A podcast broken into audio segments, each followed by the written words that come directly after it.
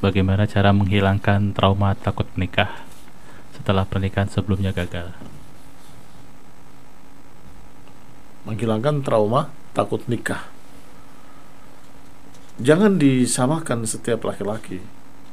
Kebanyakan seorang wanita kalau sudah gagal nikah artinya gagal rumah tangga kemudian terjadi perceraian terus menyatakan semua laki-laki sama nah ini yang bikin yang bikin putus asa yang membuat akhirnya dia trauma mau menikah, takut begini takut begitu.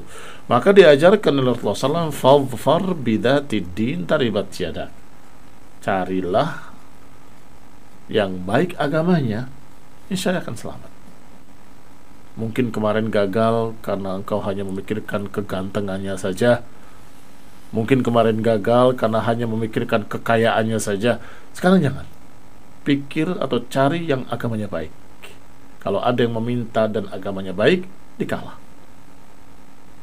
Agama baik maknanya adalah pengamalan agamanya baik. Bukan teorinya, tapi pengamalan agamanya baik. Artinya dia saleh, berakhlak mulia, dan seterusnya. Wallahu ta'ala alam.